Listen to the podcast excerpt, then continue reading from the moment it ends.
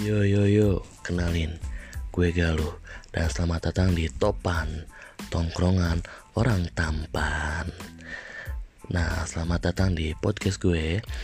Nah, di podcast ini nanti kita bakal cerita-cerita tentang kehidupan sehari-hari. Entah itu tentang percintaan, pekerjaan, curhat-curhatan, gibah juga oke.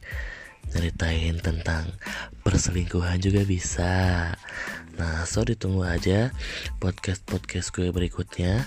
Dan nanti juga gue bakal undang-undang orang-orang sebagai narasumbernya Yang pastinya bakal lebih asik.